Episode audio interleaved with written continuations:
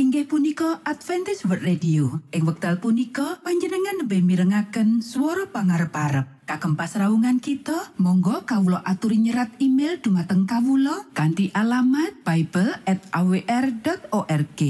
utawi panjenengan uki saged layanan kalian Kawulo lumantar WhatsApp kanti nomor plus setunggal saged layanan kalian Kawulo kalh kalh sekawan kalh kalh kalh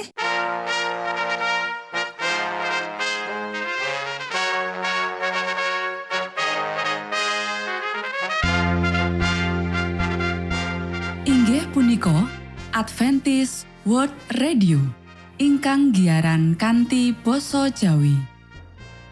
Tentrem Rahayu kula aturaken kagem para mitra kinasih ing pundi papan lan panggonan. Sugeng pepanggian malih kalian Adventist World Radio. Kanti bingahing manah Kulo badhe sesarengan kalian para mitra kinasih lumantar saperangan adicara ingkang sampun rinonci mligi kagem panjenengan sami. Mugi giaran punika saged migunani tuwin dados berkah kagem kita sedaya. Sugeng midhangetaken Gusti amberkahi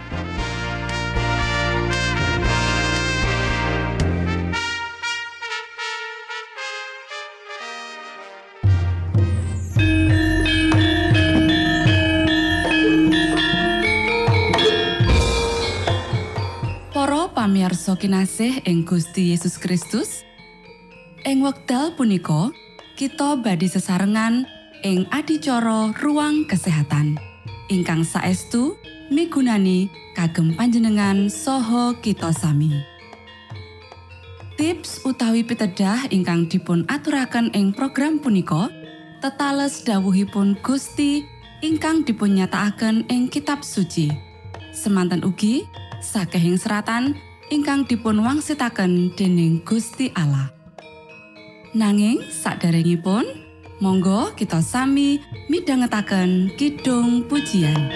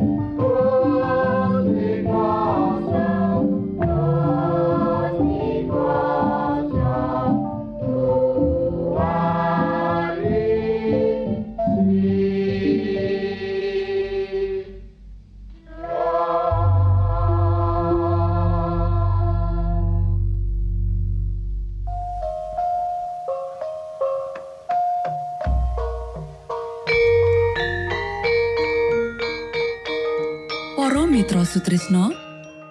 Puji syukur dumateng Gusti ingkang murbeng dumati ingkang sampun kepareng paring wewenngan kagem kita. Satemah saged nglajengaken ruang kesehatan. Pirembakan kita semangke kanthi irah-irahan. Otak butuhake kapercayan lan pangarep-arep.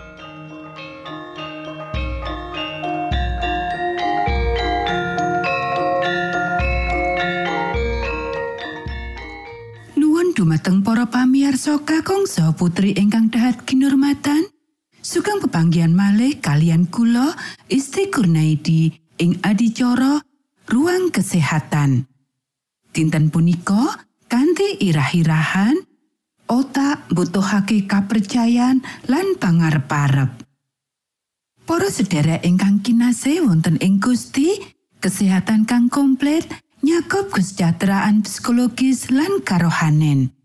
Kanggo njaga otak tetep becik, mula fungsi intelektual, pangrasa lan karohanen kudu dirumati.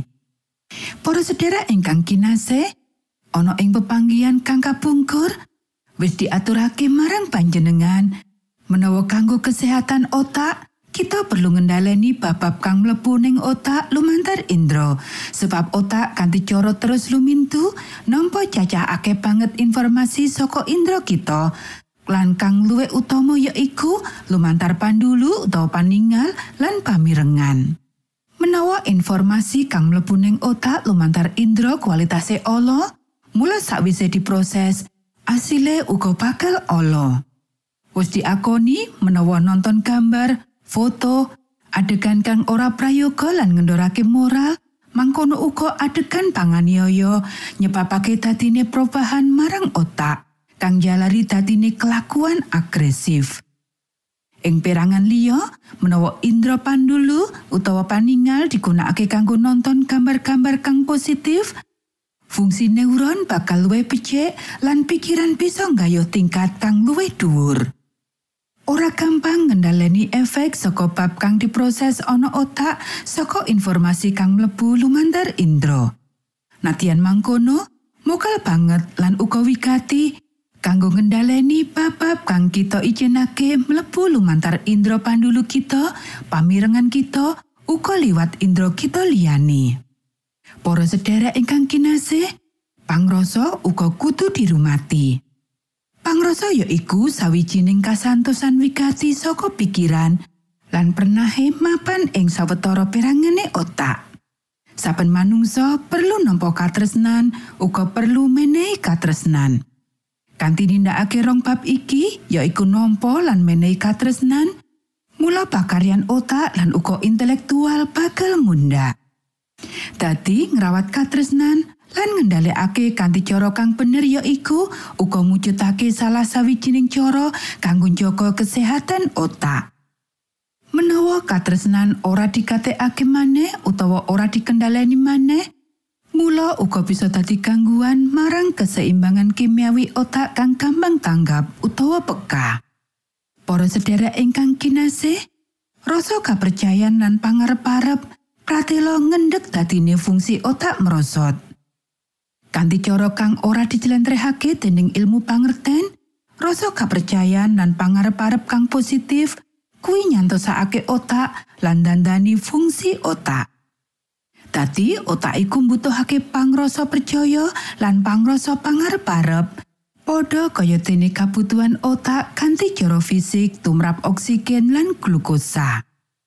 Ringkesan saka panaliten kang ditindakake dening Universitas of Texas kanggo bab iki ya iku umat pracaya kang duweni panguripan rohani kang aktif bakal duweni wektu longgar kang luwih akeh kanggo ngalih pangrasa percaya lan pangarep-arep satemah fungsi kognitif umat pracaya kang kaya iki bakal luwih becik ketahanane dibandingake karo kang tutu umat percaya.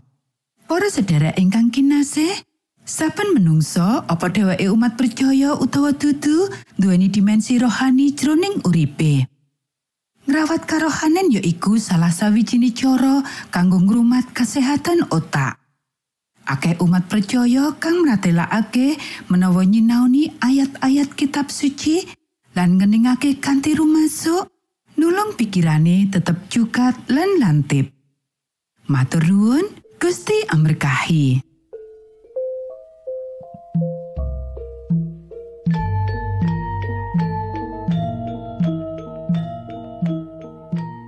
Cekap semanten pimbakan ruang kesehatan ing episode dinten punika. Ugi sampun kuatos jalaran kita badhe pinanggih malih ing episode sak lajengipun.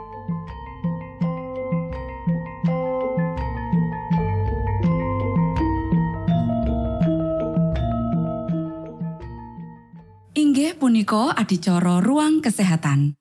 Menawi panjenengan gadah pitakenan utawi ngersakaken katrangan ingkang langkung, Monggo kulo aturi kinton email dateng alamat ejcawr@ gmail.com utawi lumantar WhatsApp kanti nomor 025 pitu 00 songo songo papat 00 pitu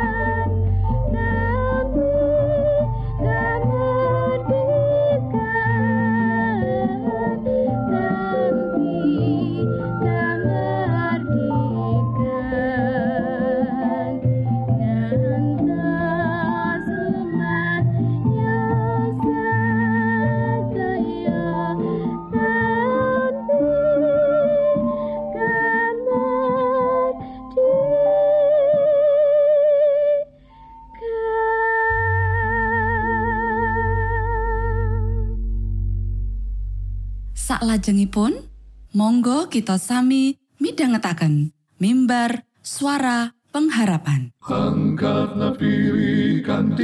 Pawarto Sang Kristus paderamu Pro umat samyo puji asmanyo Sang Kristus paderamu Inggih punika mimbar suara pengharapan. Ing episode punika kanthi irah-irahan Ndedonga saben wekdal. sugeng midhangetaken. Tondo Sang Kristus paderamu Ilmu kawero tambah tambah Sang Kristus paderamu Paderamu Paderamu Sang Kristus paderamu Shalom, para pamirsa ingkang kinasih wonten ing Gusti. Samenika kita badhe mitangetaken renungan Sabda pangantikanipun Gusti.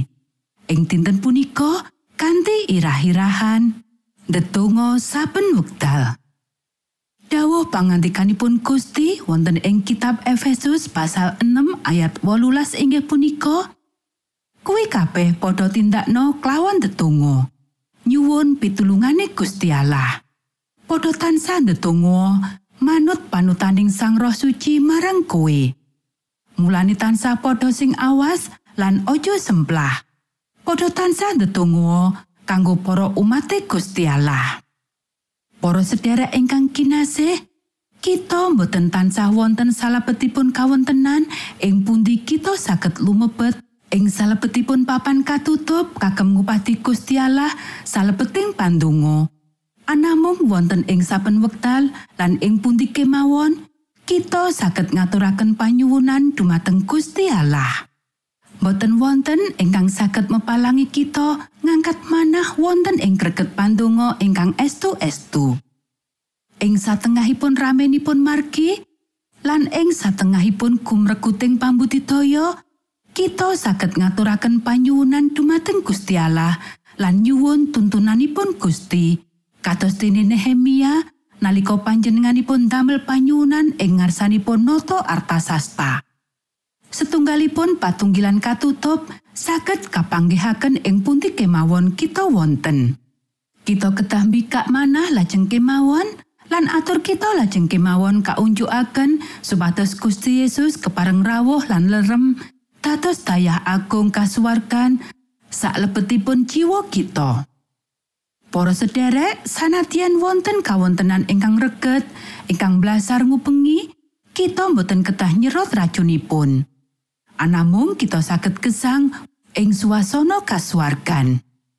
Kita saged nutup saben kori penggalih reget lan penggalihan ingkang boten suci kanthi ngangkat jiwa dumateng ngarsanipun Gusti Allah lumantar pandonga ingkang tulus. Panjenengan panjenenganipun ingkang manahipun tinarbu nampi keparengipun lan berkahipun Gusti Allah badhe lumampah wonten salebeting swasana ingkang langkung suci tinimbang ingkang wonten ing jagat lan badhe kagungan patunggilan ajeng kalian Gusti Allah. Manah ketah lajeng kemawon nyenyuwun rawuhipun lan sih palimirmanipun Gusti Yesus supados jiwa menika pikantuk pepadangipun Gusti Allah lan kawicaksanan kasuwargan. Para sederek, kita ketah nggadhahi pemanggih-pemanggih ingkang langkung cedha perkawis Gusti Yesus lan pangertosan ingkang langkung jangkep perkawis ajinipun kasunyatan langgeng. Kaendahanipun kasucen ketah ngisi manahipun titahipun Gusti Allah. Lan supados menika saged kakayuh, pramila kita ketah ngupati Gusti Allah menggah perkawis-perkawis kasuwargan. Sekar srengenge tetep ngajengaken dumateng srengenge. Menawi sekar menika kasingkuraken dhateng srengenge, pramila kandilanipun badhe minger ngantos ron sekaripun ngajengaken dumateng sunaripun sengenge. Dados kersanipun sedaya tiang ingkang sampun nyaosaken manahipun dumateng Gusti Allah, mengo dumateng pepadang kaleresan menika lan kanthi estu-estu mirsani dumateng sunar pepadang kamulyan ingkang sumunar wonten ing pasuryanipun Gusti Yesus. Para sedherek ingkang kinasih, manungsa asring damel prasetyo namun boten netepi. Asring kita manggihaken pilih salebetipun mitatosi tiang sanes, kita sampun sumende dumateng kajeng cutung. Namun Gusti boten badhe ngucewakaken jiwa ingkang pitados dumateng panjenenganipun. Monggo kita sami ndedonga. Duh Rama kawula ingkang wonten ing swarga, asma patuko mugi kasucikaken. Kraton patuko mugi rawuh. Karso patuko mugi kalampahan wonten ing bumi kados dene wonten ing swarga. Kawula mugi kaparingan rejeki kawula sak cekapipun ing dinten punika. Saha patuko mugi ngapunten kalepatan kawula kados dene kawula inggih ngapunteni tetiang ingkang kalepatan dumateng kawula. Punapa dene kawula mugi sampun ngantos katantukaken dhateng ing panggoda nanging mugi sami patuko uwalaken saking piawon. Awit dene patuko ingkang kagungan kraton saha wisesa tuwin kamulyan salami laminipun. Amin.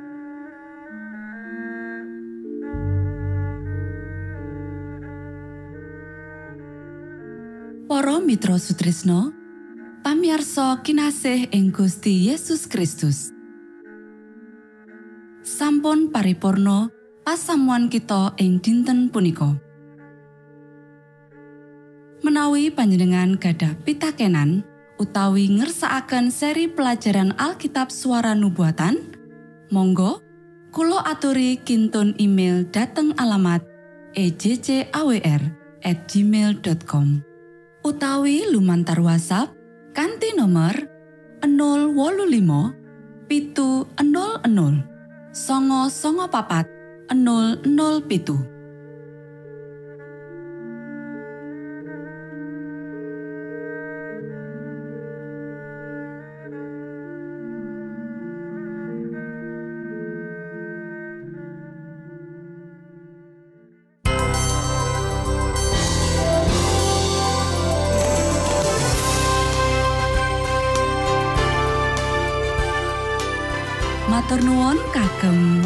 wektalipun kita badhe pinanggih malih ing gelombang ugi wekdal ingkang sami. Saking studio kula ngaturaken tentrem rahayu. Gusti amberkahi kita sedaya. Maranatha.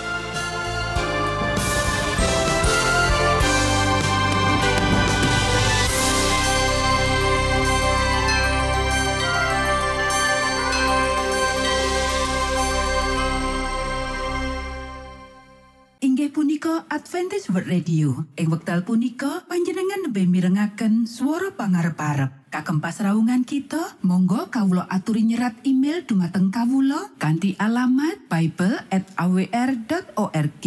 Utawi panjenengan ugi saged layanan kalian kawula lumantar WhatsApp kanthi nomor plus setunggal saged layanan kalian kawula kalih kalih sekawan kalih kalih kalih